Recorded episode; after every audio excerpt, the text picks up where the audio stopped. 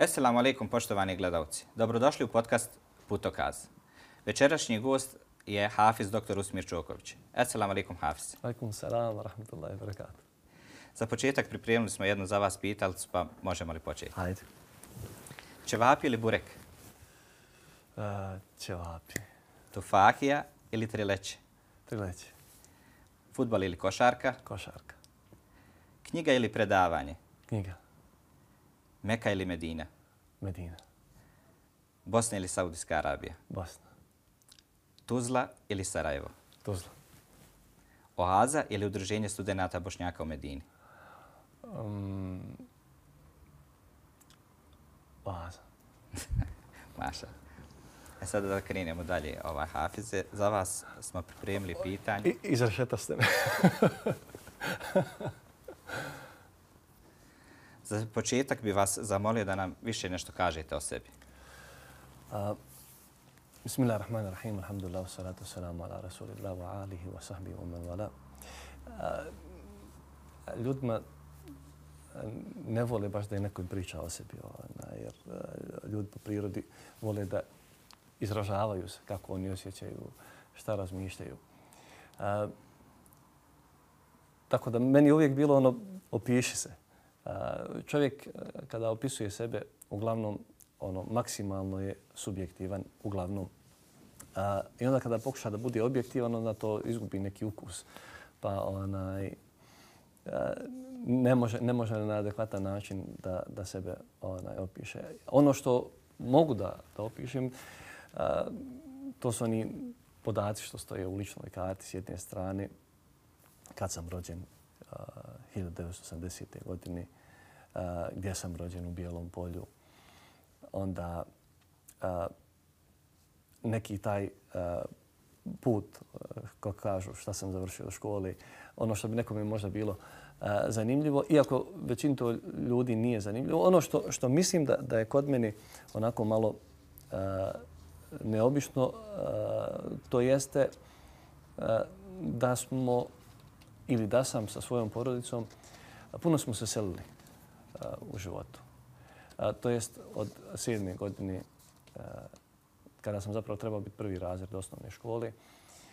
Mi smo se preselili u Sarajevo iz Bijelog polja i onda bili smo tu nekoliko godina u Sokolović koloniji, pa smo onda preselili se na Dobrinju i onda je nastupio rat. Onda smo se vratili, zapravo brat, mama i ja kod, kod djeda i Amidža. I onda smo poslije toga otišli 90, krajem 93. U, u Njemačku. Tamo smo bili dvije i pol godine. Odmah poslije rata smo se vratili. I kasnije, kroz školovanje, odlazak u, u Ameriku, to pola godine koje sam proveo. I onda, nakon toga, odlazak prvo u Damask na studiranje, poslije toga i u Medinu. Tako da nekako računao sam sa, sa svojom djecom jer oni su promijenili u svom životu samo jednu školu, onu iz Medine a, sa ovom u Tuzli. A, da sam ja nekih 11 ili 12 škola u svom tom preseljavanju promijenio. Tako da a, ono što, što je meni tu zanimljivo jeste da kroz sva ta preseljavanja iz mjesta u mjesto čovjek stiče nova iskustva, drugačija iskustva. I onda s jedne strane e, pomaže to čovjeku da, da upozna različitost ljudi, ali s druge strane pomaže da ima više razumijevanja kad, kad je neko drugačiji od njega samog. Kako je bilo odrastati u drugim državama? A, pa zavisi, a, recimo, a, pa ne znam, kad se čovjek preseli iz jednog stana u drugi stan, treba da se adaptira, a kamoli kad se preseli iz jednog grada u drugi grad ili iz a, jednog podneblja u drugu, a kamoli u drugu državu sa drugim jezikom i kamoli u drugi kontinent. A, ali, subhanala, sve su, sve su različite iskustva, skroz različita. A, recimo, kad sam, kad sam a, bio taj period u, u Americi, a, mi smo a, kao stipendisti a, imali a, svako mjesec i podruženje. I bili smo uh, iz različitih zemalja, najviše nas je bilo iz Evrope i bilo je čak iz, iz Južne Amerike. I uh, tamo smo imali svi uh, jednu primjedbu, odnosno nedostajala nam jedna stvar, a to je način druženja ljudi, komuniciranje međusobno. A, recimo, ta stvar i ono bila upečatljiva. Imaju ono što im treba od, za, za stan, za kupiti i za, za, za život, ali nema onog druženja. Čak, eto, kod nas je ta razlika. Mi, mi mislimo, onaj, ne znam, Njemci su drugačiji, Francuzi su drugačiji, ali tada kad smo razgovarali, oni su isto rekli, ovi ljudi se nikako ne druže. A vi znate, kod nas mi, mi volimo stalno. Onaj. Kod nas poslije džamije, u, poslije namaza, ljudi ostanu pa po 15-20 minuta, pola sata, muhabeti se ispred džamije. Šta vam je ostalo upečatljivo u tom periodu? Za koji dio? Odrastanje. A, pa, a, upečatljivo. A, od, od djetinjstva, mi kad smo, kad smo doselili u Sarajevo, a, svako ljeto išli smo, išli smo na selo kod, kod onaj, a, djeda. Odnosno, a, mi smo, ja sam tako a, tada, ljepše mi je bilo kod tetki da budem.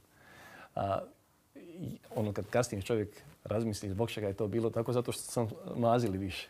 Dakle, ugađali su nas. Ugađali su nam a, kolačima, jelima.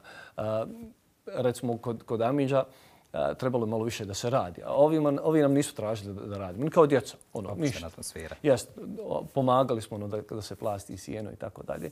Tako da u, u tom periodu meni je, kada se sjetim kako smo kao djeca. Jer često bi dolazile i ostale tetke sa svojom djecom i okupili bismo često se u jednoj kući ili onaj, pored rijeke pa se uzme ona velika lubenica, sjeća se svi dobiju po komadi, to ne, nema po dva komada lubenci. Onaj, a, ta druženja koja smo imali nekako su mi, kad god se sjetim toga, ono budem lijepo. Znači da su to bili lijepi trenuci. To što se tiče šta je to upečatljivo. Kasnije, kasnije druge stvari su bile upečatljive. To je, to je kada smo bili izbjeglice tokom rata. Tada, u tom periodu, na neki način počinju prvi moji dodiri sa, sa da kažem tako, sa islamskom knjigom, sa, sa mektebom. I to su periodi kada sam bio s jedne strane bez oca. Otac je bio u armiji u Sarajevu i nismo mi dovoljno u tom periodu ni shvatali ozbiljnost situacije. Dakle, odrasli skroz, skroz drugačije to doživljavaju. Tako da svaki period ima nešto što je posebno odrazilo se. Recimo, mi smo tada kao djeca tog doba ono više voljeli da se igramo, da se o, zabavljamo. Znači, živjeli ste u Sanđaku, u Bosni, Njemačkoj, Americi i Saudijskoj Arabiji. I Damasku, Siriji. I u, i u Siriji. Ja. Koliko je to iskustvo vaše bogato ovaj, pomoglo vam u davetskom radu? Pa, nekako otac je znao onaj, reći ko ne ode onaj, dalje od, od, eh, od sela, ne, zna, ne, ne poznaje dalje ljude nego oni koji su u njegovom selu. On to znao malo onaj, i brutalnije da kaže, ali evo, ublažit ćemo tu njegovu, njegovu izjavu. A, pa, moj, kada sam bio u Americi, bili bio sam u gradu Vičiti, e, eh, to je grad u kojem muslimani koji su tu, većinom su studenti. To su većinom studenti koji budu kao, kao muslimani, kao dio zajednice.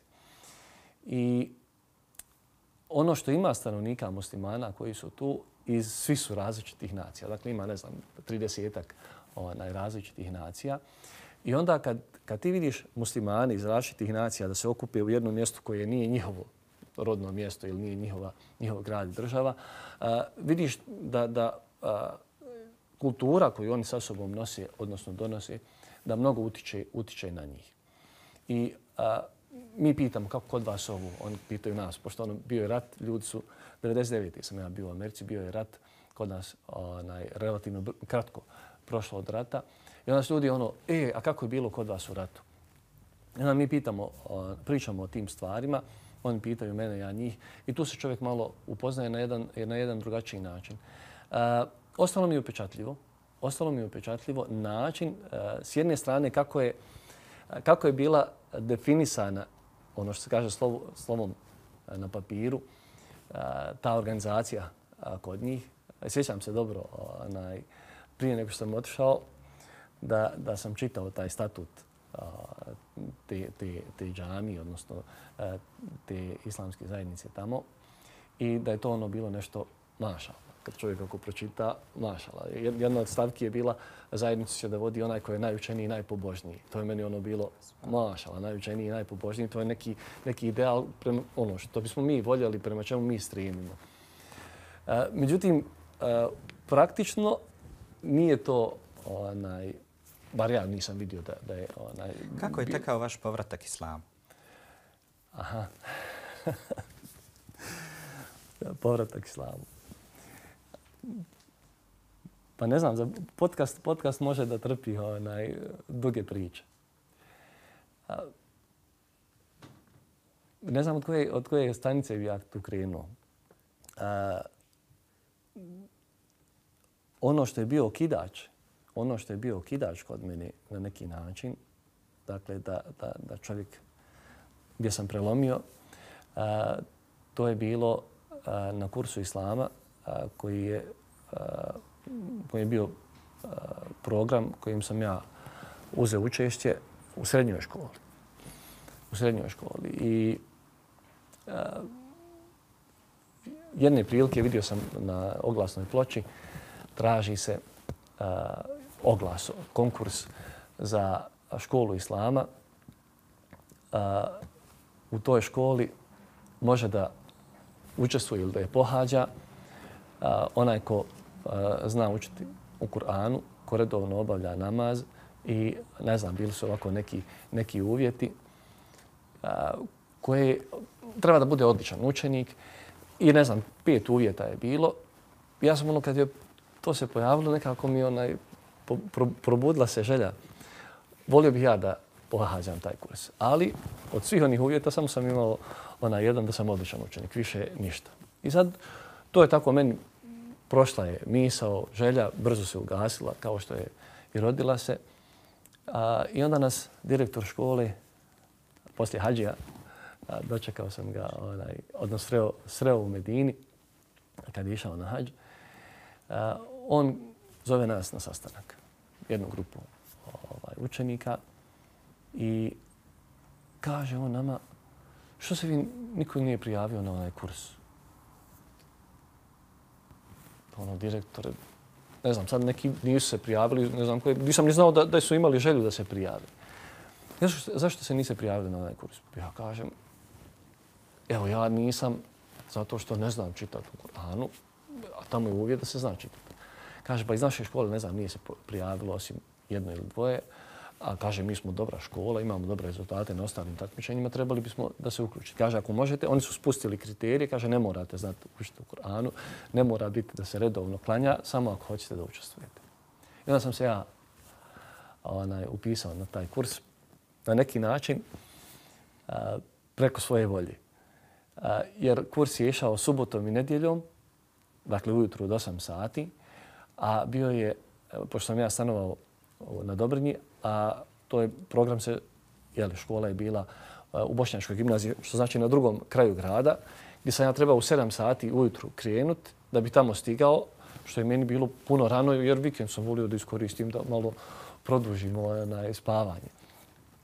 I a, roditelji su, kad sam im pričao, pričao sam roditeljima onaj, za, za svoje a, to interesovanje i nekako i taj moment da sam ja njima rekao šta bih volio i da oni meni kažu kako oni na to gledaju, značilo mi je.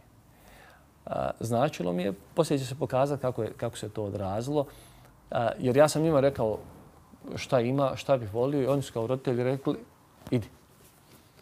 I sad došla je ta subota i ulazi mama u 7 sati ujutru ili prije 7, 15 do 7, oni piju kafu i kažu mi, hajde, onaj, da ideš. Ma rekao, ne mogu da idem. Ma idi. Onaj, tako da sam ja onaj, na kraju ustao buntovno. Ono. Otiću samo da, da mi više ne govori da, da idem. Jer imao sam prepreku ne samo da nisam ispunjavao one uvjete koji su prvobitno bili postavljeni, već prepreka bila kako ću ja kad ništa ne znam tamo oći, ići. I kako ću ići tamo gdje nikoga ne znam. Da ja imam nekog druga, vjerojatno bi mi bilo lakše, ide on, idem ja, idemo zajedno, zajedno idemo, zajedno se vraćamo. Ali ću sam. A, ne poznajem nikoga.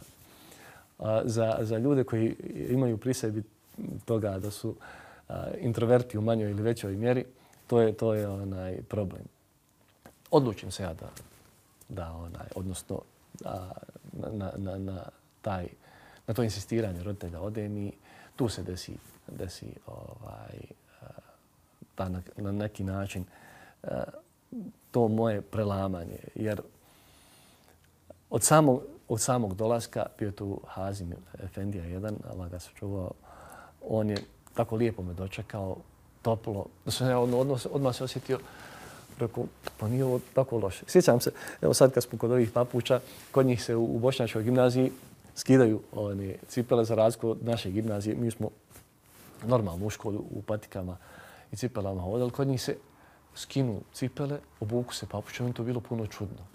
Ono, što? Ovaj, to, to su ti neki momenti koji ostanu. I onda tu su dolazili uh, naše javne ličnosti poznate iz, iz, iz, uh, iz različitih eh, uh, segmenta društva. I on su tako govorili o nekom aspektu islama. Međutim, ono što je meni bilo prekretnica, jedne prilike trebala je doći mualima koja nam je predavala predmet koji se zvao Ibadat, jer imali smo četiri predmeta, imali smo onaj Kur'an, Ibadat, imali smo onaj informatiku i engleski jezik. Dakle, e, nije bilo nešto, imali smo to jedno opće predavanje ili susret sa nekom od tih javnih ličnosti. I jedne prilike nije došla ta Mualima. Došao je ovaj Hazim Efendija da, da nju zamije. I on eh, imao je veoma lijep način, pristup, uh, kako da, da na neki način uh, podigne malo atmosferu, da nije to samo ono dosadno, mora se učiti, bubati, jer svakako nije bilo ocjena na tim kursevima. Bilo je nekako, nekakvog onaj, kvalificiranja kakav je kakav je neko učenik, ali to svi uglavnom bili odlični učenici iz, iz srednjih škola, tako da nije bilo potrebe sada nekoga tjerati da nešto posebno nauči, da ga se motiviše nekom kaznom ili, ili onaj a, posebnom ocjenom. I on je ušao i a, kaže, eto, a, meni je puno drago što ste vi na ovom kursu. A, to je bilo kada se preselio kurs iz Bošnjačke gimnazije u petu gimnaziju na Alpašnom polju. Kaže, meni je drago da, da vi ovako učestvujete, da dolazite redovno, da, ste, da se ovako lijepo družite. Kaže, ali volio bi da znam. Kaže, ko je od vas sabah jutro sklanjao? Ko je klanjao sabah od vas? I sad meni to pitanje nezgodno. Meni pravo nezgodno pitanje. Ja će to pitat sad. Ja, ja se okrećem, gledam ono nekoliko ručica dižu se. Dakle, jedno pet, šest onaj, ruku, klanjali saba. Mašala, kaže on. Allah vas nagradi. Kaže, sigurno vas je više klanjalo sinoć akšam. Ko je klanjao sinoć akšam? Potiže se duplo više ruku. I ja sad nisam ni znao da tu ima neko da redovno klanja. Tamo li da... Onaj, I kaže on, ja sam jednom bio u Tunisu i puno mi je ostalo u sjećanju jedan moment koji sam doživio tamo, a to je da sam vidio prvi put da žene budu na džomi. Kaže, to kod nas nikad nisam vidio. Nije, I logično je, kod nas budu džamije onaj, pune, nema mjesta za, za, nema mjesta za muškarce, a kamo li za žene. Kaže, ja sam tamo vidio mlade žene dolaze na džumu. Kaže, ima li jedna djevojka među vama da je bila na džumi? I javi se onaj, jedna djevojka. Kaže, gdje si bila na džumi? Kaže, bila sam u Begovoj džami jednom na džumi. Kaže on, naša, lijepo. Jel da kaže da je lijepo osjećaj? Jeste.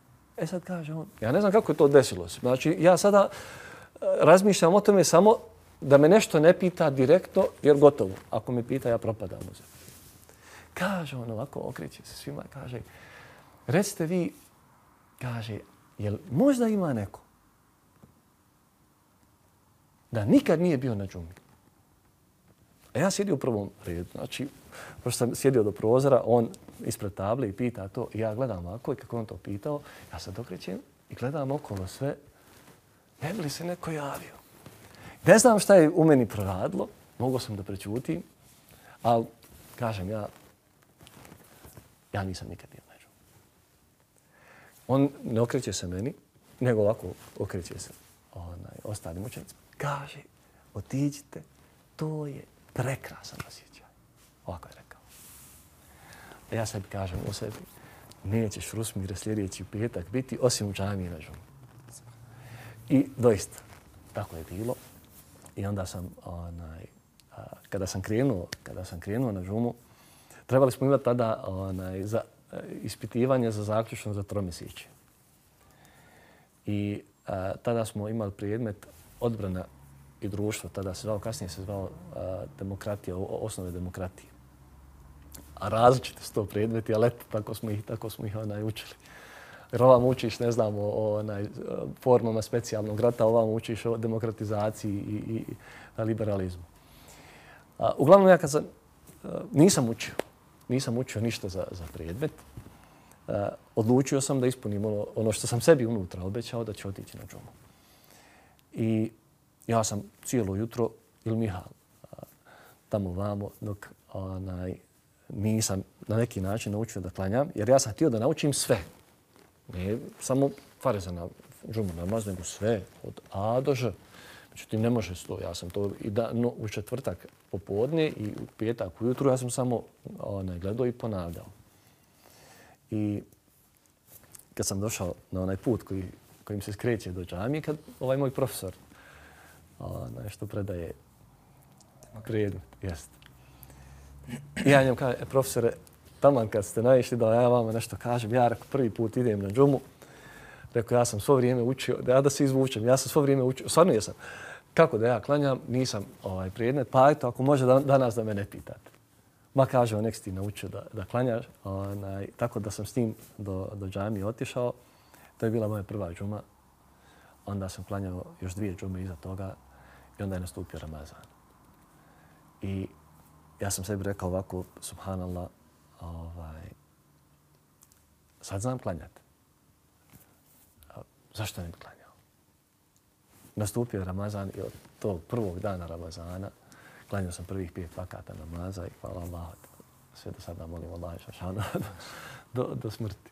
Da tako bude, da ne ostavljamo namaz nikada. Šta biste posavjetili jednog mladinca koji se nalazi u sličnoj situaciji u kojoj ste se vi nalazili? Jo, teško, teško je... A, kod mene, da kažem, na neki način postojalo unutarnje zanimanje za, za tu stvar. Znači, a, ono kad smo bili izbjeglice, a, nekako čovjek u, u, u tom izbjegličkom životu a, doživi m, ne, neke stvari koje, koje ga potaknu na, na razmišljanje više. E, jer mi smo, kada smo, kad smo došli u Njemačku, nismo nikoga svog imali, niko, nijednog poznanika, nikoga od rodbine. Onaj, da, da, da kažeš ono, neko da ti pokaže na početku šta trebaš uraditi, gdje trebaš otići, e, gdje trebaš nešto kupiti, a kad zatreba para na, na početku da te malo pogura. Onaj, a, e, I sad kad razmišljam o tome, a, teško je to bilo jednoj majci sa dvoje djece i tinejdžera da, da preživi. To je bila moja majka, Allah da je nagradi na tome. Ovaj, a, ali u tom periodu, ono, javljaju se ta, ta razmišljanja. S jedne strane, šta bi čovjek volio ono stvarno da bude u životu? Onaj, ima ima, ima a, lik svog heroja ili sebe kao heroja u, u nekoj budućnosti. Ono što je specifično za, za sve e, adolescente, s jedne strane, a s druge strane, e, odmah nakon, nakon rata to se, to se intenziviralo. Kad smo bili izbjeglice, a, bili smo u selu kod, kod mog oca i a, hoću da, da kažem, taj, to, je, to je jedna nit ta koja je a, bila da je postojao unutar na neki način a, poriv ili želja da čovjek a, ispuni nešto što očekuje ili što misli da treba da ispuni prema uzvišenom Allahu. Jer kod mene, kod mene javljala se jedna, jedna misao, to je da a, moramo na neki način biti zahvalni Allahu. I sjećam se kad sam ja sa svojim drugom u osnovnoj školi, ono, znali smo šetat na večer. Onaj, kad je ono ljeto pa malo ono, pred, pred, pred zalazak sunca i malo poslije zalaska sunca jer ljeto bude već 9 sati ili pola 10. Pa i probijemo mi do 10 i iza 10 ono blizu zgrade pored rijeke hodam i tako baš jednom razgovaram sa njim kao znaš, ono, Ševko se zvao, kajem Ševko. Znaš, pa mi na neki način moramo biti zahvalni Bogu. Znaš, ne možemo sve nam dao, mi ništa da ne uzvratimo. I onda kad smo bili onaj, u selu kod, uh, kod djeda, mene ona seoska djeca kažu, hoćeš ti s nama u Mektev. Mejtev, on su govorili Mejtev. Pa šta ti je Mejtev? Meni roditelji nisu ono govorili. Nismo imali taj, to usmjerenje. Iako su roditelji, da tako kažem, akademski rađeni, onaj, porodice nije o tome mnogo razgovarao. Bar ne s nama djecu. I Mejtev, kad, kad dođe onaj vikend, nema nikoga da se igraš s njim. Nikoga. Sad djeca su u Mejtevu. Ja, ajde, a meni je opet onaj problem koji sam imao i kad, kad sam trebao otići na kurs islama, to je onaj, kako ću ja tamo kad ne znam, kad ne znam, ne znam to što treba da se uči. Logično je da čovjek ne zna ono što treba da se uči, ali ta barijera, kako ću ja kad ne znam to? Uh, I on meni kaže, hajde, volim, sa nama. I mnogo je bilo lakše. Ja sam otišao tamo i uh, naučio sam. Radi si, naučio sam uh, Fatihu, naučio sam uh, Kulhu Allah i nisam naučio klanjati. Tada nisam naučio klanjati. I onda, onda smo mi trebali otići za Njemačku i nismo mogli ponijeti puno stvari sa sobom. A ja sam samo htio da ponesem jednu knjigu sa sobom, a to je bio Mihal. Samo sam Mihal htio da ponesem. I onda nisam ja ponio Mihal. E, poslao sam pismo svom drugu Muniru da on meni pošalje Mihal. Ovaj, međutim, ništa. Daljina, ovo, ono, ne znam šta je bilo. E, nisam dobio Mihal i onda su mi rekli ima turska pijaca a, na Kreuzbergu. A, tamo ćeš naći Mihal. I tada sam kupio Mihal. Ponovo sam pokušao i nisam, jer a, nisam znao sam. Šta bi poručio nekom ili savjetovao? A, mnogo dobro bude kada čovjek uzme mlad. Pazi, mi pocijenjujemo onaj mlade ljude. Dosta pocijenjujemo. Kod nas balkanski mentalitet je takav da mi a, malom djetetu kažemo šta ti znaš, šuti, prš, izlazi. Onaj, tako, tako se onaj, kod nas obraća. Tako da e, pocijenjujemo razmišljanje e, djeci, razmišljanje o mladinaca. E, nekad ne želimo ni čuti što imaju, šta, šta on zna naročito ako je, ako, je, ako je to u familiji. Onda ono, ne dolazi u obzir da, da saslušaš ti dijete. Mislim, nadam se da, da ova moja generacija, da smo, da smo svjesni toga i da ne pravimo te greške sa, sa svojom djecom ili oni koji slušaju ili koji budu gledali, da neće napraviti te greške. Jer a, često, često imaju, imaju a, razmišljanja a, i a, djeca budu veoma zrela, veoma rano i prilično rano po pitanju mnogih stvari. Tako da u tom periodu treba čovjek svejedno od, od 12 ili 13 ili 15 ili 17 ili, ili više godina a, da stane i da razmisli. Dobro da razmisli. Samo o svojoj svrsi. Šta je svrha njegovog života. Ne u smislu šta sam ja napravio, koliko sam uspio. Jer ima jedan, nameće se teza koja je onako popularna na zapadu ili relativno popularna, a to je da je uspjeh ili šablon za uspjeh su nekoliko stvari. Ko ima ovoliko stvari, on je uspješan.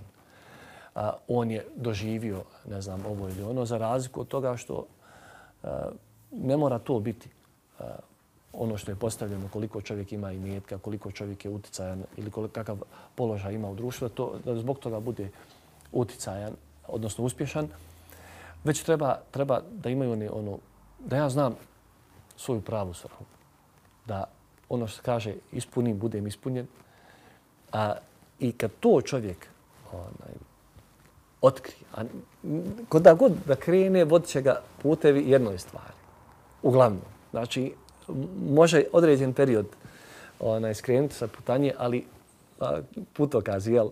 Putokaz će ga na kraju dovesti na, na, na istu stvar. A, I zato meni je ostala jedna, jedna stvar iz, iz Medine. Bio sam na jednoj, jednoj konferenciji jer mi smo tamo vidjeli da ima omladine koji su ono mala je razlika između nekih kod nas i, i kod njih.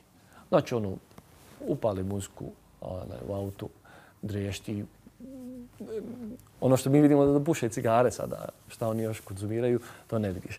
Svakako, mnogo su, mnogo su onaj, uh, uljudniji nego, nego kod nas možda omladina nekada, ali a, to je nas oboljelo. Kako u Medini da, da omladina tako, ono mi došli iz Bosne, uh, hoćemo da, da, da, budemo, da vidimo uzorite ljude, ti vidiš tako nešto u Medini i onda uh, pitali su na, tom, na toj konferenciji uh, poznatog Alima Sada Šesrija, uh, šta je sa ovom omladinom u Saudiji?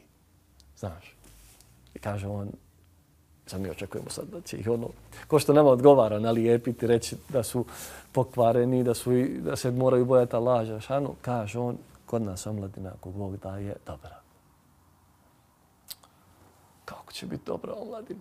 Kaže, kod nas je omladina dobra. Ona, I onda shvatam zbog čega je to rekao. To je da ipak ta omladina, jer to je period kada ljudi otkrivaju, otkrivaju život. I onda u tome možda i probaju stvari koje ne bi trebali probati. Ali onda, budući da postoji taj, taj osnovni element ispravan, a to je ono ispravno vjerovanje, čvrsto vjerovanje u Allaha Đelešanu, on kasnije pravo oblikuje tog insana.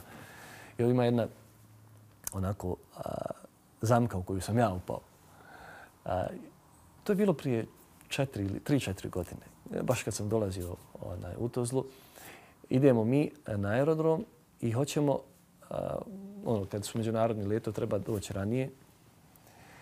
I a, ulazim u džamiju i sad ima tu starijih ljudi, kad jedan momak onako malo, ne znam kako da, da ne budem grub da ga opišem, onako malo a, slobodno obučen. Ona, izlazi ispred, ispred džemata da ima mi ljudima u namazu. Ja kažem, vidi ga, pomislim tako, nisam rekao. Vidi ga, rekao on, on ovakav, ispred ovih ljudi koji su stari, sigurno ima onaj učenih ljudi među njima. On istupa ispred, ispred džemata, ovakav, nije ono, oni imaju tamo onaj kodeks ponašanja, odnosno oblačenja, a to je da on nose ono galabi. On nema galabi, on je ono obučen onaj, u ovom sada freestyle. I a, ja prilazim, ne, ja sam onaj, pošto to pri, pri aerodromu džamija, formira se džemat svako malo. Jel? Onda kako ko pristiže džematu, potpunjava svoj namaz. Ja sam pristigao kad sam ih vidio da su otpočeli namaz. Kad je ovaj momak počeo učiti Kur'an, mašala te baraka. Znači, komotno može biti imam i u Mekiji, i u Medini, u džami. Dakle, prelijepo uči Kur'an, e, prelijepo imam i prelijepo, prelijepo klanja. Tako da to je nešto što postoji, onaj, što čovjek možda ovako e, osudi ono što vidi. Ne čini mu se da je to neki, neki njegov ideal, ali to zapravo bude, bude puno, puno bolje. Tako da a, kod omladine, kod omladine mora da, da, da, da, da proradi taj a, a, crv sumnje, odnosno nećemo reći crv sumnje, nego a, ta želja da skonta šta, Žeravica da planira. Že, je, ba ne mora planut. Ne, ne, bolje, bolje da ostane to da, da lijepo tinja ona, i, i gori nego da, da plani. Ovaj, ali treba da postoji. Kada ste počeli sa društvenim aktivizmom i odakle vam se javila ljubav prema islamskim naukama? A, društveni aktivizam ili, ili, ili dava? Jeste. Kada se to javilo? Pa nije se to javilo, to, to neko dođe i predložite da, da vodiš ovako neki program. onaj, u, u, u džamiji ili pored džamije i, i onaj, kažu, vidi, ti to dobro uradi, ideš sljedeći put to uraditi. I onda kažu, hajde sad ti nama onaj, neki ders. Kakav ders, ja ne znam ništa. Kao je napišti, malo i pročitaj to ljudima da bude dobro. Otprilike je tako bilo, to isto. Ona, pošto Ana u, u džami, na Dobrini, odnosno u Međarićima, sada Dobrini imaju još dvije nove džamije, onaj, e, bile su akike i bila su druženja. I tako jedne prilike bilo da, da neko onaj, nešto lijepo kaže, da se ispuni ono da, da ljudi ne sjede, da ne spomenu Allah, Želešanu, ne spomenu ne donosi salavat na poslanika sallallahu alaihi wasallam, pa je mene zapalo da ja nešto kažem. I onda sam ja tako jedan ajet ili hadis koji sam pročitao iz Rijadu Salihina, vrtova popušnjaka, prepisao sebi na papir i, i pročitao tu. Nije to bio, bio da kažem, onaj, okidač da se bavim uh, davom ili, ili e, društvenim aktivizmom. E, mi kad pogledamo kroz, kroz školu, sada koliko, koliko ja vidim onaj, više nego, nego ranije, valjda što sam ja u tom, u tom uh, izbjeglištvu i preseljavanju iz jednog u drugi grad, nisam to toliko doživio, ali ovdje vidim i kroz, kroz ono što moja djeca radi. Dakle, neću reći forsira se, ali potiču se e, učenici da učestvuju u takmičenjima, da učestvuju u e, nekim društvenim, korisno društvenim programima. I ja sam tako nekako volio i dobijao sam usmjerenje i u osnovnoj i u srednjoj školi da se uključim onaj, i u takmičenje, da se uključim u priredbe, da se uključim uh, u pisanje za školski časopis. Uh, I to je na neki način, hajde da kažemo, iz, iz škole usađivano u čovjeka da bude društveno aktivan. A, što se tiče a, onoga a, islamskog dijela, naravno to, to nije, a, nije došlo namjerno, ako se tako može reći. Nije došlo namjerno. U smislu, a, čovjek, recimo ja kao, kao jedan omladinac, ispo, ispoštovao sam taj kurs, išao sam kurs, završio sam kurs, naučio sam onaj sufar, naučio sam učiti u Kur'anu. Uh, međutim, ono što, što nam je posebno ili što je meni posebno, sada sve više vidim da, da je to bilo značajno, a to je a, naša Efendija, Munir Efendija Šarević, Allah ga nagradio. Usput rečeno, on je, on je a, među prvim svršenicima bošnjacima na Islamskom univerzitetu u Medini. I a, a, on je a, napravio ono što, što smo mi zvali sa njim halka, a što bi mimo te halke zvalo, zvalo se Mekteb za odrasle ili Mekteb za omladinu. I mi smo tu sa njim uh, imali jednu uh, posebnu, posebnu metodu uh, učenja o vjeri.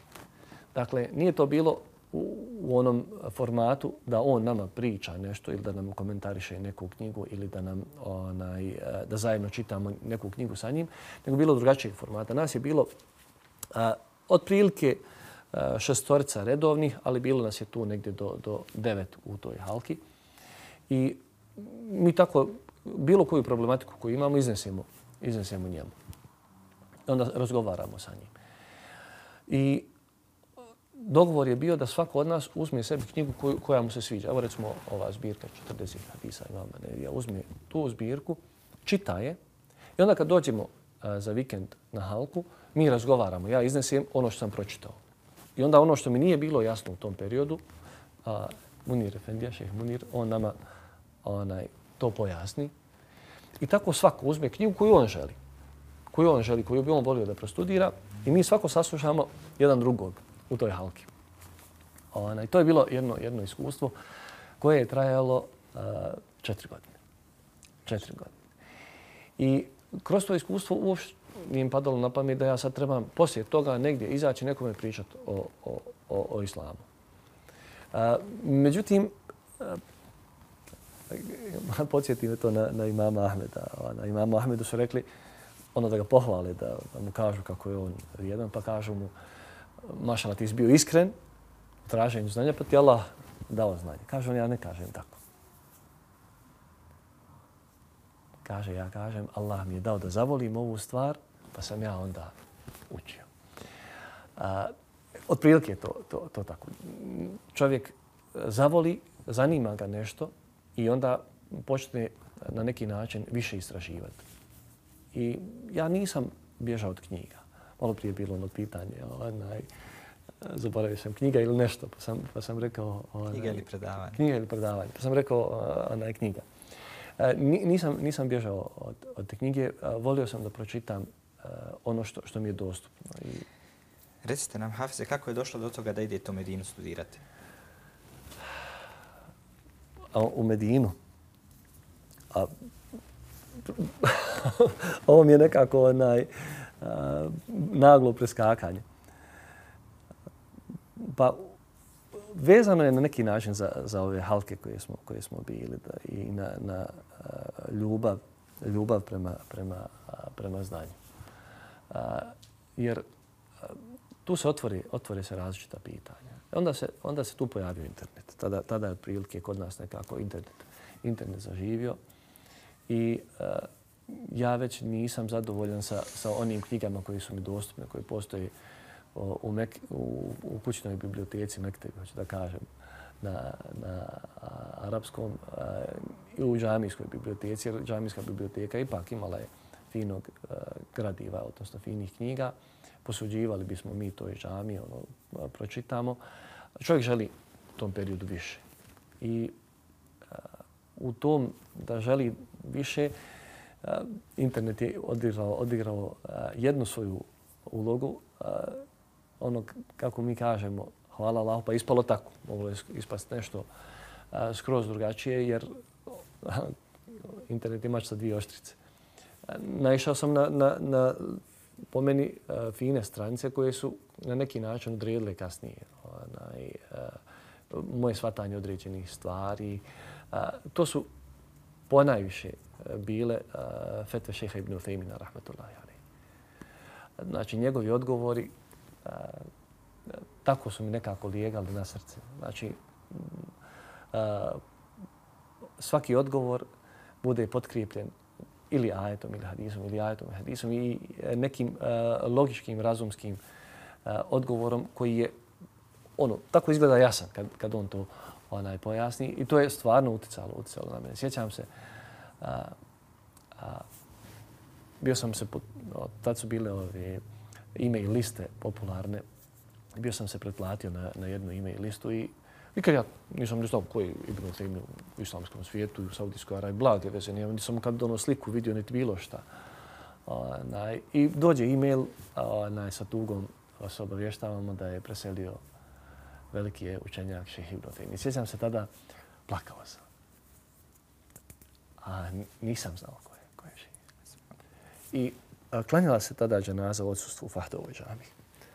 Onaj, šehu.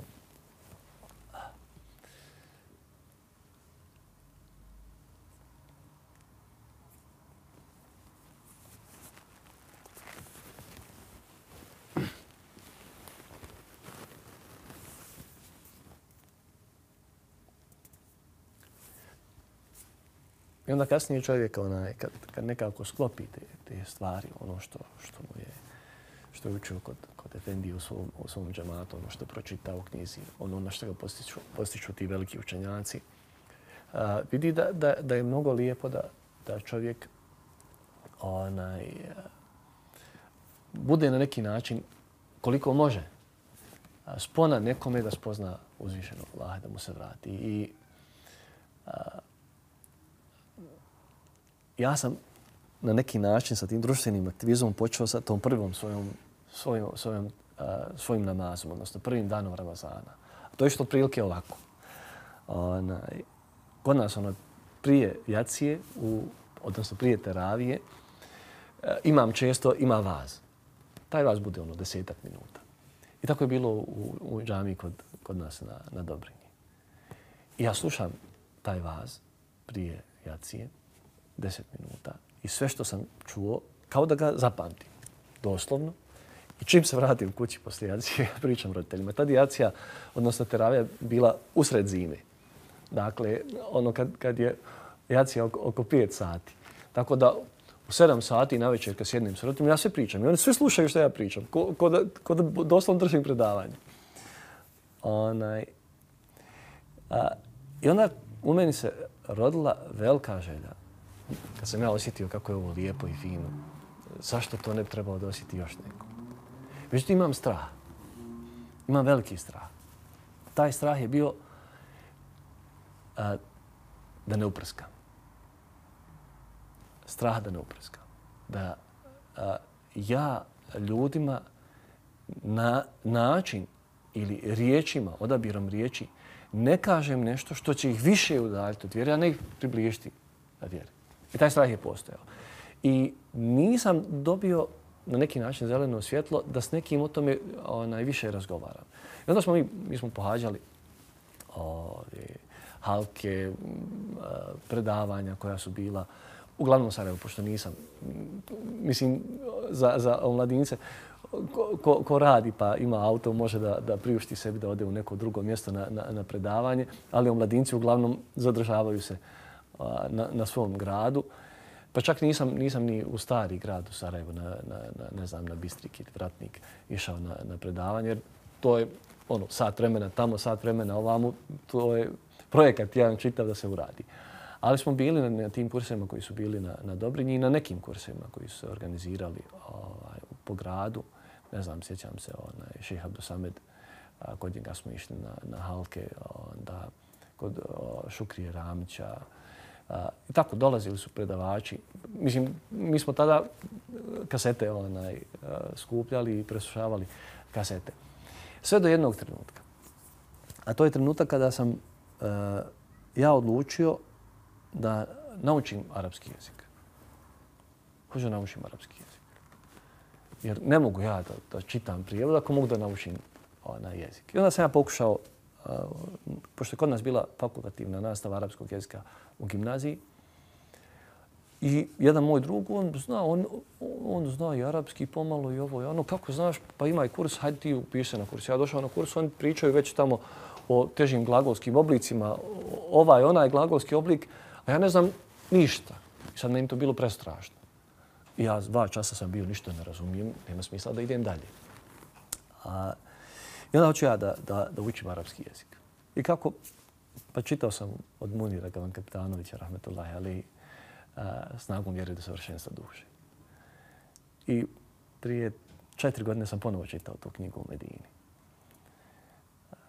I u, u toj knjizi on spominje primjer jednog talijanskog a, naučnika koji je naučio jedan jezik samo tako što je čekao u redu za, za ručak na poslu. Nije išao ni na kakav kurs, nije išao u, u zemlju da, da živi tamo s narodom i tako je on naučio taj jezik i koristio se tim jezikom. I pitali su ga kako i on samo kaže ja dok čekam u redu, ja taj jezik učim. I onda on spominje eh, Munir Gavran Kapetanović, rahmetullahi alaih, primjer hadisa Allahog poslanika, ali i salatu wasalam, u kojem poslanik kaže eh, najdraže dijelo Allahu je ono koje je ustrajno, pa makar bilo malo. I sad ja razmišljam, rekao Rusmire, učio si svoj jezik. Ono bilo je srpsko-hrvatski, jel?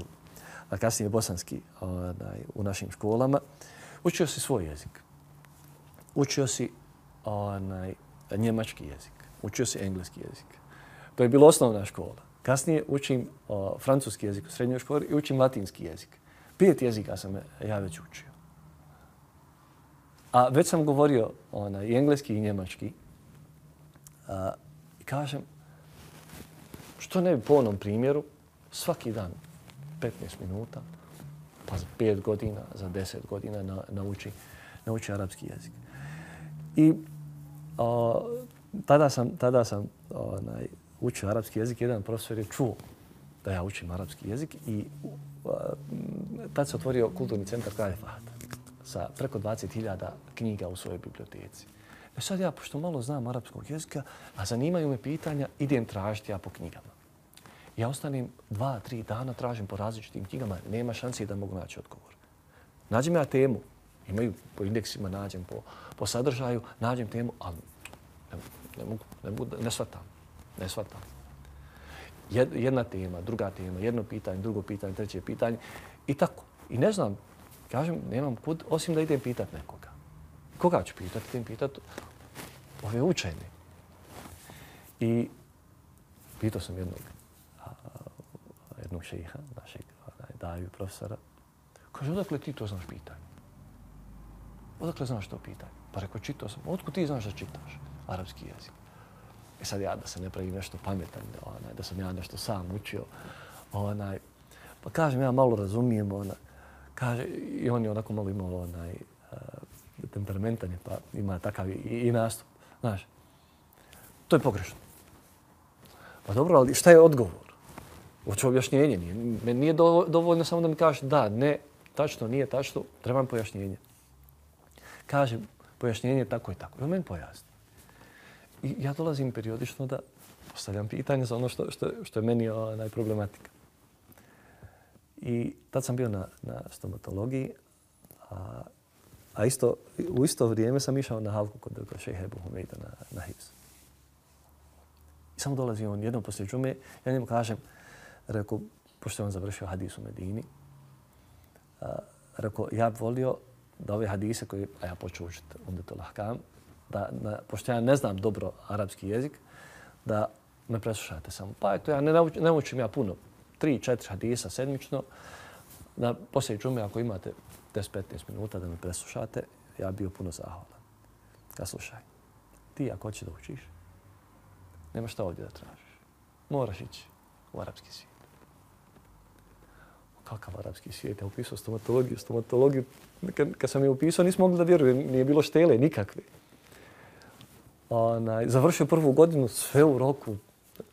Kaže ona, ako hoćeš, i sad, onaj, arapski svijet, ja da sam mislio ići u arapski svijet, možda bi to ranije bilo. Kaže on, onaj, jedne, jedne, jedne džume, a kod njega su dolazile ovako delegacije da, da se savjetuje sa njim. E, kaže, poslije džume prilazi on meni i kaže, ti da ostaviš medicinu i da ideš u Medinu. Ja se nasmijem na to. Tako, čisto mira, selam alaikum, alaikum selam, kao da ostaviš medicinu i da ideš u Medinu.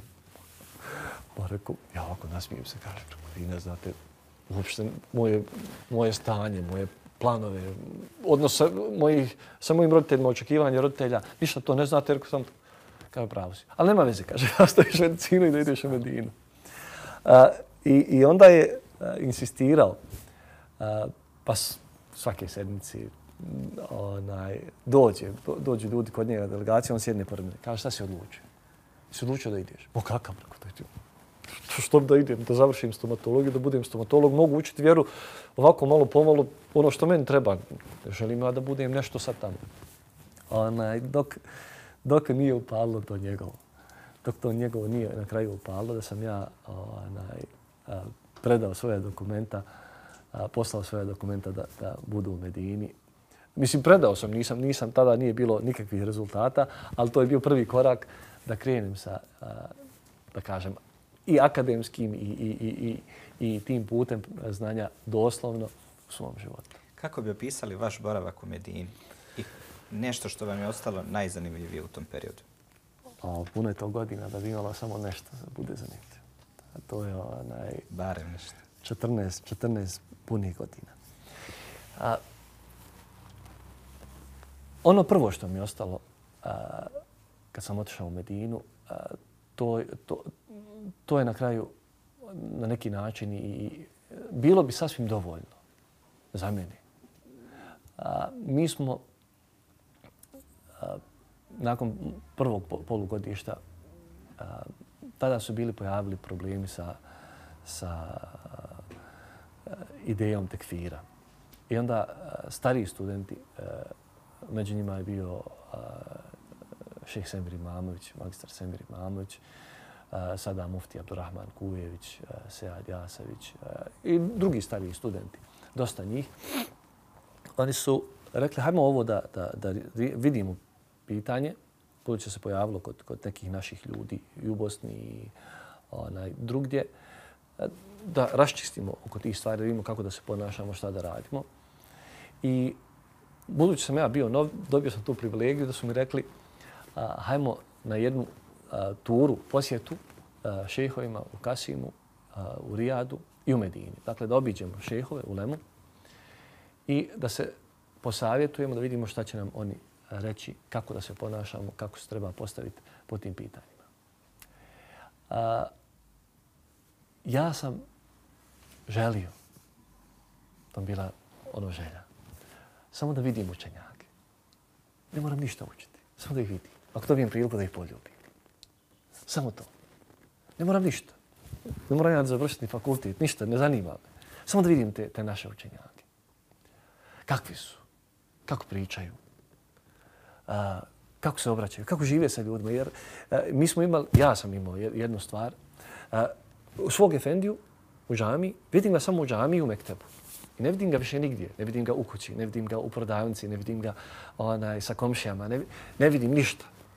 Apsolutno ne vidim. Ne znam kako se ponaša.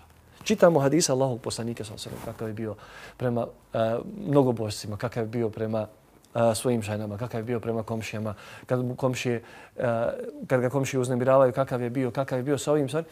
Ali praktično drugačija je skodna nas. Kako ja to mogu sada da živim u svom životu?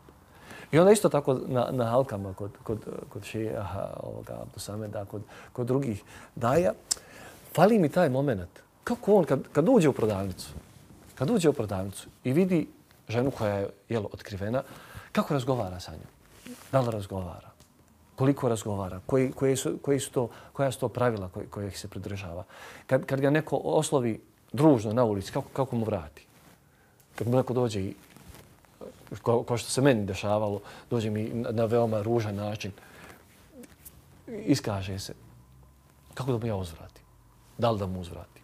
Da li da prođem pognute glavi? I onda mi bilo samo, hoću da vidim tu lemu koja vodi ovaj naš umet. Kakvi su? Ko su? Samo da ih vidim. I stvarno, a, prvi susret, a, mi smo otišli kod šeha Abdul Muhsina Kadija u, u Kasimu, u Neizi. I htjeli smo sa njim da razgovaramo o tim pitanjima. On je rekao ovako, čekajte, dok ne dođe šeha. Mi smo došli kod šeha, što nam sad kažemo. Dakle, on čeka nekoga koga, koga on više cijeni, poštuje da, da, da mi njega pitamo. Sad, to je prvo onaj, ono, što bi rekli sada, wow, maša Allah. Prije toga, u, u Medini, u, u samom haremu, prvi put Abdurrahman Kujević me odveo u, u, u džamiju Allahu poslanika, ali salatu salam, i pokazuje mi ovo je taj alim, ovo je taj alim, ovo je taj alim, ovo je taj alim. Sjećam se prvi put evo Bekra al-đazairija sam vidio.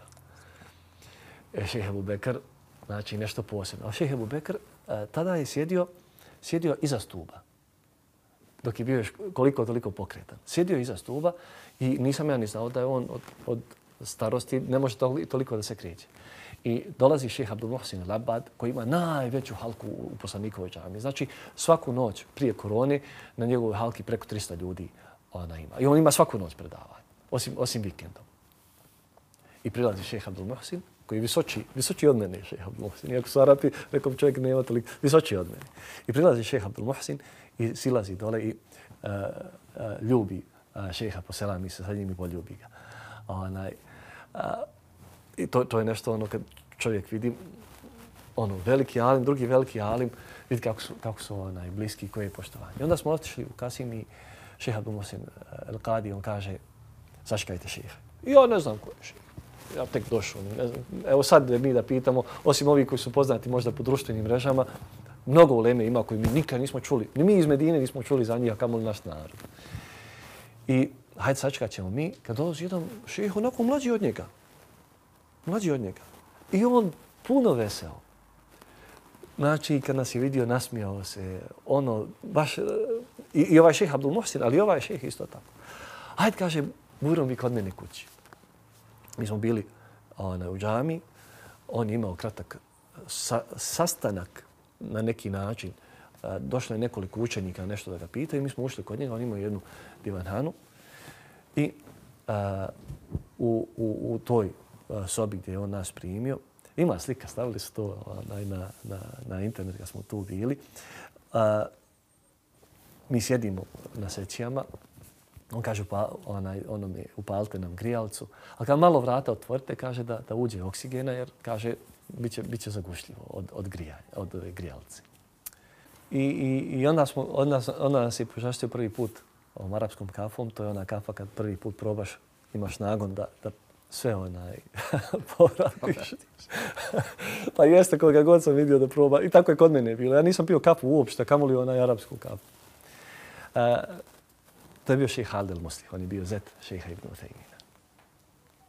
I onda je meni, kad sam saznao da je on i zet šejha Ibn Uthejmina, bilo nešto posebno, a, posebno drago. I onda smo mi poslije toga otišli a, u Rijad. Bili smo kod, još nekoliko šehova u, u, u Neizi, odnosno u, u Burejdi. Uh, međutim, šehom je bio i Selman Elauda, poznati alim. Onda smo otišli kod velikih šehova u Rijad. I ono što mi je ostalo, što ne mogu da zaboravim, što sam vidio a, da ljudi, možda je to kod mene bila takva percepcija, ali znam da kod nas dosta ljudi ima istu takvu percepciju, a, kod mene je bila percepcija da oni baš ne znaju tako dobro kak, u kakvim mi uvjetima živimo. Ipak oni misle da, da je kod nas kod njih, da je kod nas sve to onaj, lahko, da jes, bio je rat, ali međutim, a, ono što, je, što sam se ja posebno iznenadio jeste kad, kad razgovaraju sa nama, kao da su živjeli tu sa nama. Valjda zbog, zbog a, dobro, neki od njih su putovali mnogo, a, ali a, neki i nisu, ali su razgovarali sa, sa ljudima i kroz te razgovore i poznavanje, naravno, šerijatskog znanja. Ja sam imao osjećaj a, kada, kao, kao, kao, da su, kao da su tu sa nama živjeli. I sjećam se, bilo mi je posebno drago i veliko kad sam vidio ovoga šeha uh, Ibn Džibrina. Šeha Ibn Džibrina, to je bilo nešto...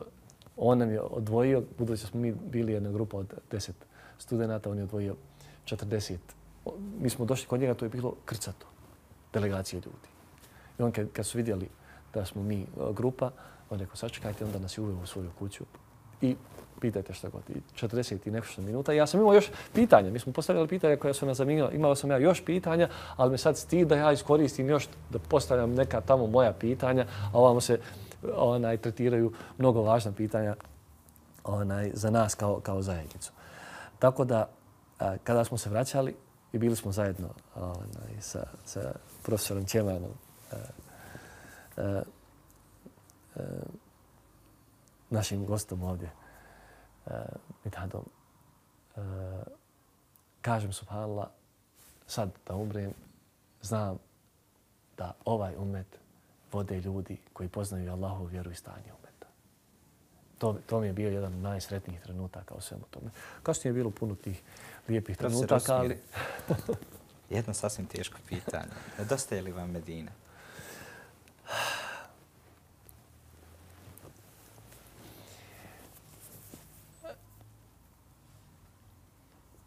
Teško je pitanje. Teško je pitanje. Ja sam u jedan gard prema Medini. A, taj gard me je doveo ovdje gdje sam.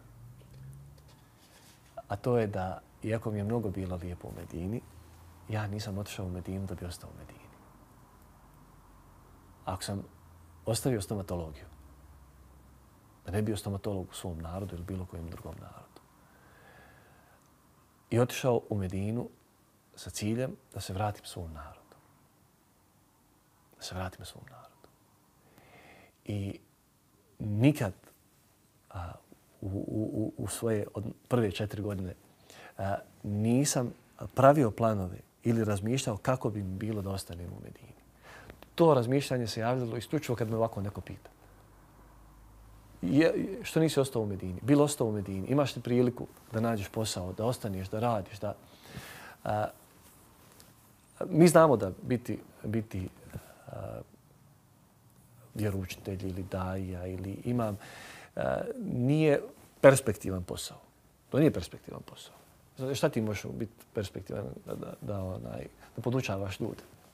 Onaj, u tom smislu, u smislu financijskom.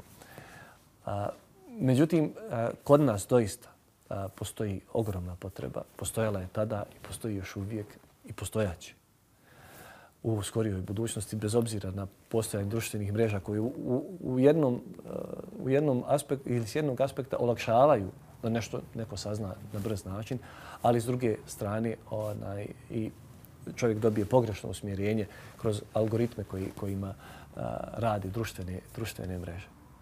Tako da a, postoji velika, velika potreba i ja a, volio sam i molim Allah da tako bude, da budem jedna spona a, u, u tom a, procesu a, vraćanja našeg naroda Allahu Želešanu vjeri. Koji je profesor ostavio najveći utisak na vas? U Medini? Da. U, u Medini, ja bi to podijelio na dijelove.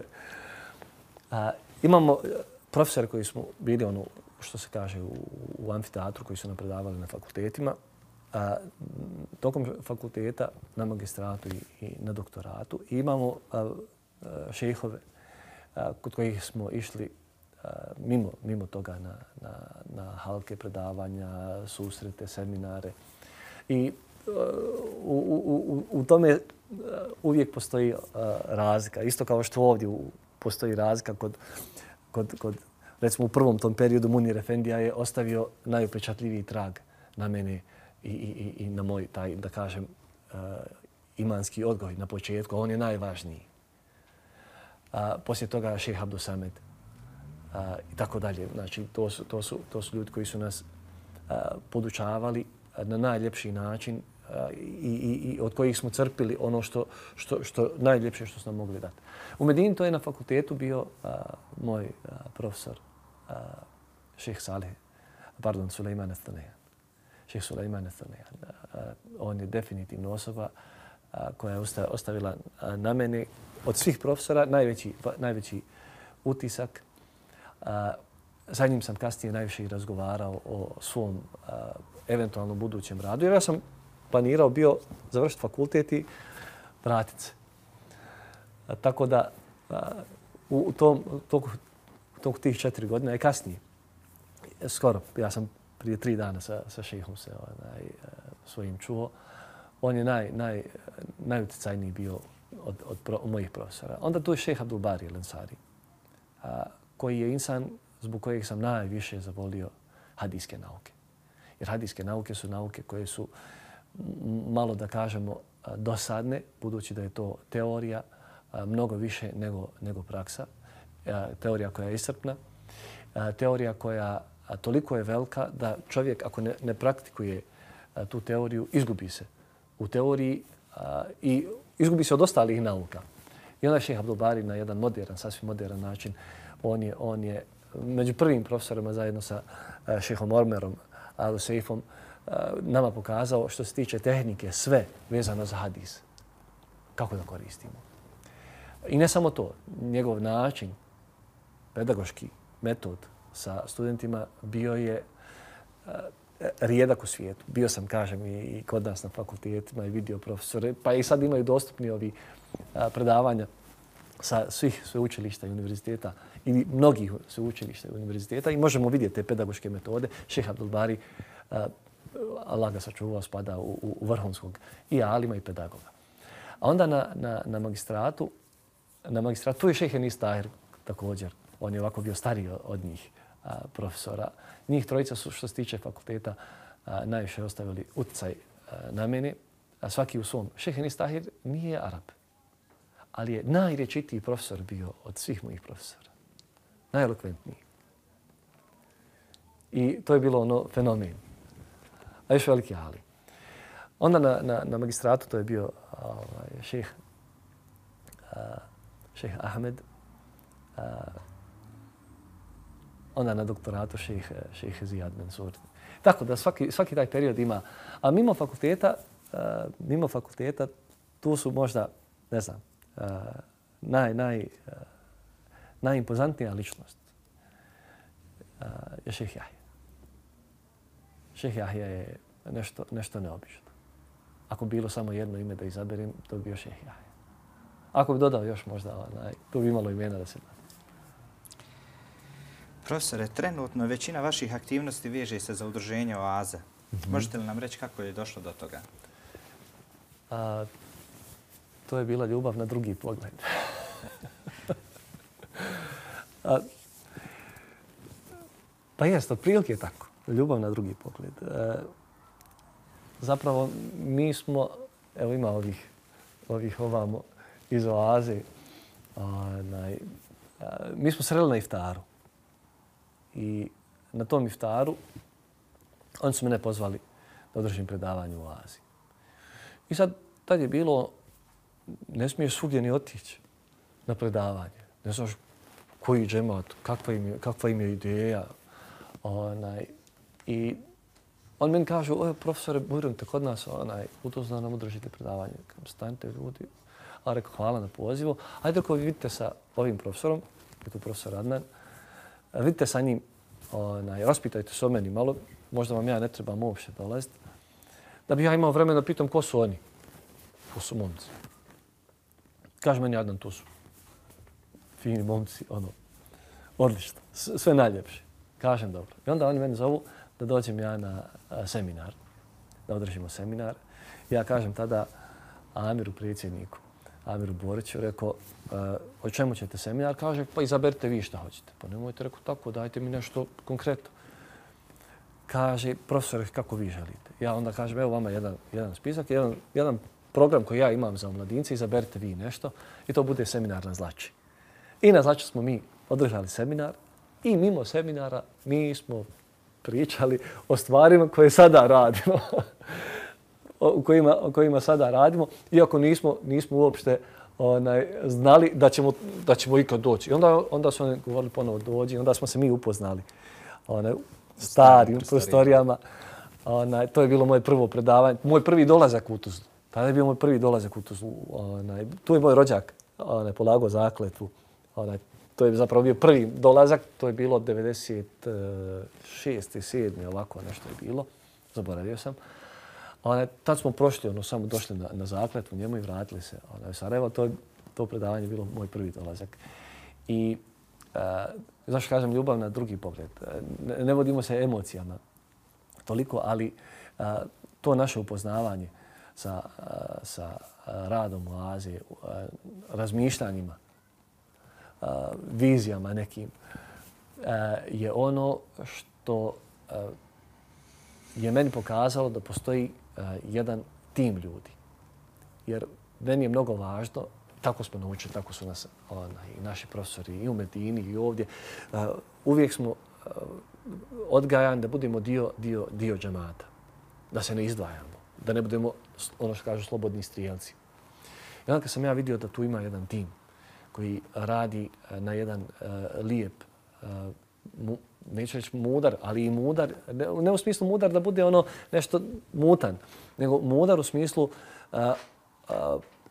procijenjen i studiran, elaboriran način, način rada. Te stvari su onaj, na mene ostavile veliki dojem. Rekao sam, ljudi, šteta da, niko, ne, da, da, da se sa, sa ovim ljudima ne radi, da se sa ovim timom ne radi. To, to je, ja, ja dan danas u, u ovom sektoru kojim, u kojim, se, kojim se ja uh, bavim sa svojim aktivnostima, nisam našao a, timove da, da, da imaju a, ovoliko, ovoliko a, pozitivnih stvari koliko sam upoznao da imaju, da imaju braća u Aziji. Profesore, a, poznati ste po tome da puno vremena posvećujete porodca i vaše Hanuma je Hafiza Kur'ana i profesorca Hadisa. Koliko je bitno imati podršku porodce koji, u ovom poslu kojim se vi bavite? A, I sad ovo, to je duga priča. Kažu svaka priča je duga ako se počne iz početka. Tako da moramo skratiti ovu priču. A, a, porodica je, odgajan sam tako, a, temelj.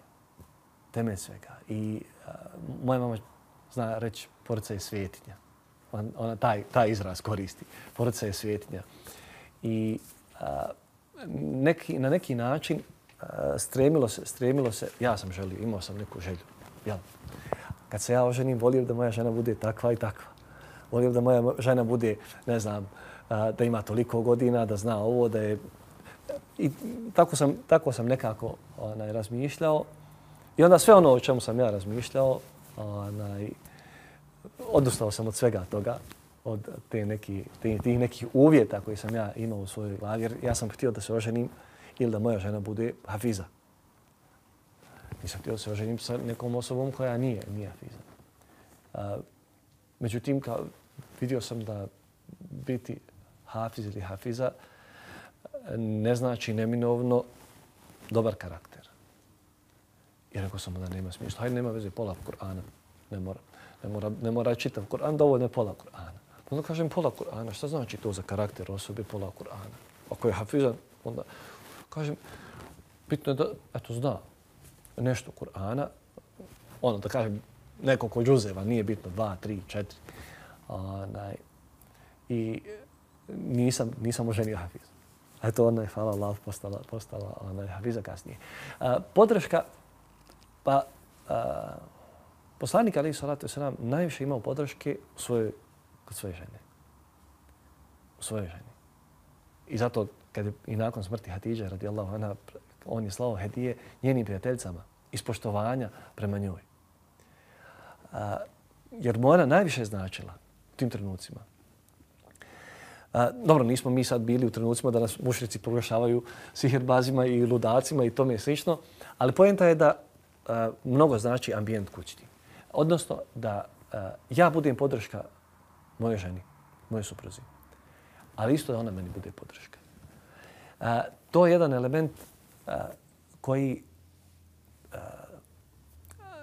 znači može čovjek mimo svoje kuće, ne znam, ganjati neke uspjehe i financijske i bilo kakve druge, ali ako u kući onaj, neštima, uh, znači čovjek opet se vrati svojoj kući, tu treba da se, osjeća, da se osjeća lijepo, tu treba da mu bude lijepo sa, sa njegovim ukućanima. Tako da, a, to je jedna stvar a, koju sam ja gledao različito na početku braka a, i sada u smislu a, ima tu jedan isti element, a to je element da ja vodim porodicu. Muž, muškarac, vodi porodicu. Ali ne vodi porodicu ono u smislu što on kaže, gotovo, ne smije se onaj. Nego u smislu da, da a, nosi teret s jedne strane, da je on ne samo taj koji vodi, vuče za sobom porodicu, nego da treba da bude najviše podrška svoje porodici. Mi to često ne imamo. Znači, često, ne znam, žena ima kod svoje sestre ili mame ili, ili drugarice veću podršku nego kod svog čovjeka. I, I obratno, ja imam kod svog druga, bolje se razumijem sa svojim drugom nego što se razumijem sa svojom suprugom. Tako da, da, da to je jedna stvar koja je postojala na početku i na kraju. S tim da kod mene na početku je bilo, dobro, ona je mlađa od mene, onaj, ja ću nju naučiti šta je život, ja ću nju podučiti je šta, kako da gleda na, na stvari, a, gdje u nekim stvarima ona je imala zrelije i, i zdravije razmišljanje od mene, ni u nekim stvarima, u dosta, u dosta stvari. I onda sam ja vidio da zapravo ne trebam se ja tu postavljati kao neko ko je onaj, mnogo superiorniji, a, odnosno tretirati nekoga a, što kažu od ozgovor, nego treba tu da bude onaj, a, uzajamna, uzajamna podrška jedno drugome, uzajamno sazrijevanje, a naravno kroz brak upoznavanje i izgradnje onoga što čovjek može da izgradi u svom braku onaj, i kroz, kroz nauku i kroz ostale stvari. Hafize, nalazimo se u mjesecu Ramazana. E, možete li nam dati savjet kako ga najbolje iskoristiti? Ja sam mislio da ćete mi pitati kako, kako sam se oženio. znači, vremena sad. Nisam u Ramazanu. Nisam u Ramazanu. A, Ramazan e, ljudi različito doživljavaju. A, na neki način, oni koji prvi put doživljavaju Ramazan, najviše ga dožive. A, mnogo drugih ljudi, mnogo nas, svaki sljedeći Ramazan, samo prođemo kroz njega, ne prođe Ramazan kroz nas. Mi prođemo kroz Ramazan, Ramazan kroz nas ne prođe. Mislim da, da ono što nama treba u Ramazanu svaki put je, ako se može tako reći ovim savremenim izrazima, treba nam jedan imanski i duhovni refresh. Znam da je to fraza koja se stalno ponavlja, ali e, praktično kako bi to moglo da, da se postigne. E, mi kad pogledamo čitav islam ili sve stvari u islamu prožete su namazom. Kao što je svaki dan prožet ne jednim nego pet namaza, s pet namaza, tako su i ostale stvari prožete e, namazom. Uh, Allah Žešanu uh, oporučuje kada ljudi hoće da ostave oporuku, da vide poslije namaza to da urade. Kažu učenjaci, ako su klanjali, znači ima mogućnosti da su to pravedne, pravedne osobe koje mogu svjedočiti za, za tu oporuku. Čak i oporuka, nešto što na putu. Dakle, gleda se, gleda se namaz. Pa otprilike, otprilike kao što bi to bilo za namaz, tako bi se to moglo primijeniti i na ostali, na ostali badete, naročito, naročito na post. A to je da mi u namazu, za namaz, imamo formu. Ta forma ogleda se u dvije stvari. Ogleda se u stvari koje čovjek treba da uradi, postupke, da okrene se prema kibli, da podigne ruke, kad izgovara tekbir, da a, mirno stoji, da ima kijam, da ode na ruku, da vrati se sa ruku, da ode na seđudu. To su postupci. Imamo riječi koje čovjek treba da uradi u namazu. Izgovori. A početni tekbir, Allahu ekber. Poslije toga subhaneke, poslije toga prouči euzubilu, bismilu, eh, fatihu. Imamo dove, zikrove. To su riječi koje čovjek treba da izgovori. Međutim, ono mimo forme je također važno. A to je a, onaj dio koji je vezan za srce. A dio koji je vezan za srce, a, učenjaci ga dijele na tri stvari. Prva je nijet. I on je poznat prije namaza. Za nijet zbog koji namaz klanjam? Klanjam sada a, podnevske farze, recimo. Ili klanjam sunnete, ili klanjam neku na filu, ili klanjam teraviju. To je nijet. Imamo drugu stvar, to je a, prisutnost srca. Doživljaj srcem. A, prisutnost koncentracijom, mislima. Da pratimo ono što izgovaramo dok izgovaramo. Kad učim Alhamdulillahi Rabbil Alamin, da znam da to znači hvala Allahu gospodaru svjetova. Kad kažem Semi Allahu limen hamide, da znam da to znači gospodar čuje onoga koga hvali ili uslišava dovu onome koga hvali. Dakle, da budem prisutan svak, svaki zikr, svaku dovu, svaku suru koju učim, da znam kako izgleda, da znam šta znači. I treća stvar koja je element ili elemenat koji često na neki način izostaje. A to je skrušenost. Da čovjek, u, makar, kažu učenjaci, makar u jednom trenutku na svakom rekatu bude skrušen. Da svata veličinu onoga pred kojim stoji.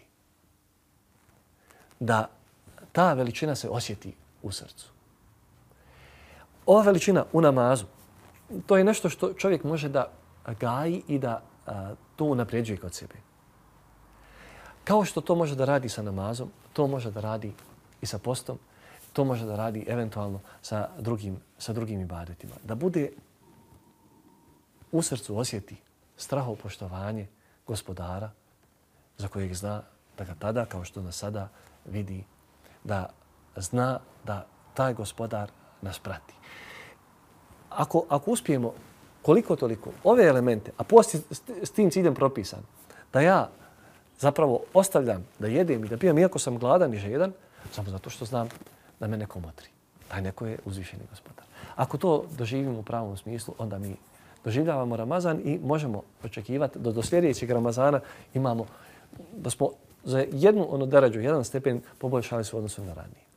Hafize, zaista nabila nam je zadovoljstvo što smo vas ugostili. Može li samo poruka za kraj?